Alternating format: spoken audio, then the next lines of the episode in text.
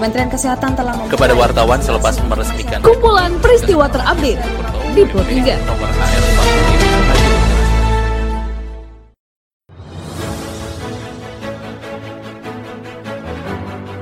Halo pendengar, saat ini Anda sedang mendengarkan kumpulan peristiwa Pro 3. Pada podcast kali ini saya akan mengulas terkait isu-isu aktual yang saat ini masih hangat atau ramai diperbincangkan di sekitar kita. Tentu saja pendengar, nanti akan saya hadirkan cuplikan informasi dari reporter kami. Bersama saya Karisma Rizky, inilah kumpulan peristiwa Pro 3 di ruang dengan podcast Anda. Pendengar, sebelum saya masuk dalam beberapa isu aktual yang akan saya hadirkan sesaat lagi, saya akan mengundang Anda untuk mampir ke laman berita kami di rri.co.id. Anda juga bisa memfollow Instagram, Twitter, dan Facebook kami di @rri_programa3. Baiklah pendengar, inilah kumpulan peristiwa Pro 3. Pendengar Presiden Joko Widodo meresmikan Rumah Sakit Modular Pertamina Tanjung Duren, Jakarta Barat. Presiden Joko Widodo mengatakan fasilitas di Rumah Sakit Modular Pertamina sangat lengkap. Di antaranya terdapat ICU khusus untuk anak-anak dan bayi dan ibu-ibu. Diliput Rini Hairani berikut keterangan Presiden Jokowi. 305 tempat tidur yang komplit dengan ICU dan juga eh, ICU dan lebih bagus lagi ada juga ICU khusus untuk anak-anak dan bayi dan ibu-ibu sehingga bisa memberikan pelayanan kesehatan bagi ibu dan anak. Realisasi pertumbuhan ekonomi Indonesia kuartal 2 2021 sebesar 7,7 persen Menteri Keuangan Sri Mulyani Indrawati menyebut sejumlah faktor yang membuat pertumbuhan ekonomi Indonesia sangat bagus di tengah pandemi COVID-19 di antaranya adalah karena momentum Ramadan dan Hari Raya Idul Fitri, pemberian bantuan sosial hingga pemberian insentif ongkos kirim belanja online jelang Lebaran.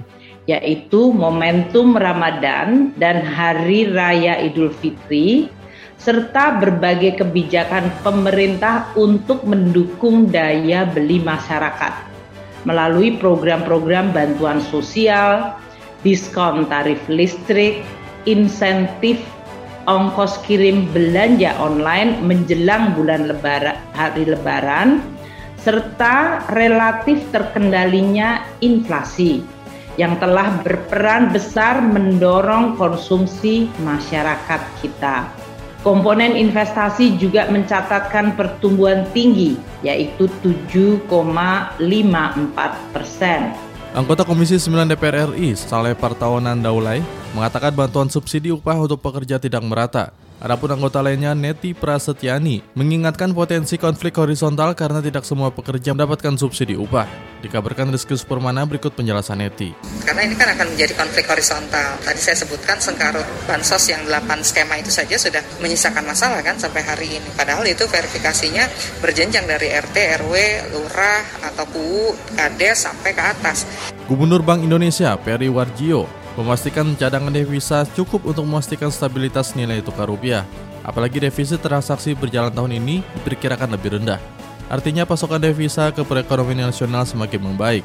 Bank Indonesia melaporkan cadangan devisa per akhir Juli 2021 sebesar 137,3 miliar dolar Amerika Serikat.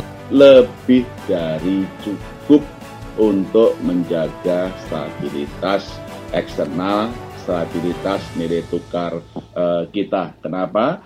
137,1 miliar itu setara dengan 9,2 9,2 bulan import. Kalau uh, dihitung dari uh, bulan import plus pembayaran utang luar negeri pemerintah itulah 8,8 bulan.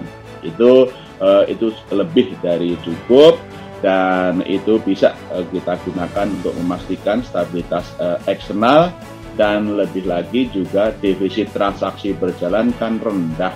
Uh, tahun ini kita perkirakan uh, minus uh, 0,6 sampai minus uh, 1,4 persen dari PDB itu rendah. Insya Allah Anda mendengar, informasi tadi sekaligus mengakhiri perjumpaan kita pada podcast edisi hari ini.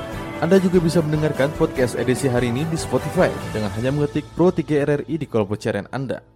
Dan pendengar tetaplah menjaga jarak dan ikuti selalu protokol kesehatan. Saya Karisma Rizky, sampai jumpa. Kementerian Kesehatan telah kepada wartawan selepas meresmikan kumpulan peristiwa terupdate di Pro 3.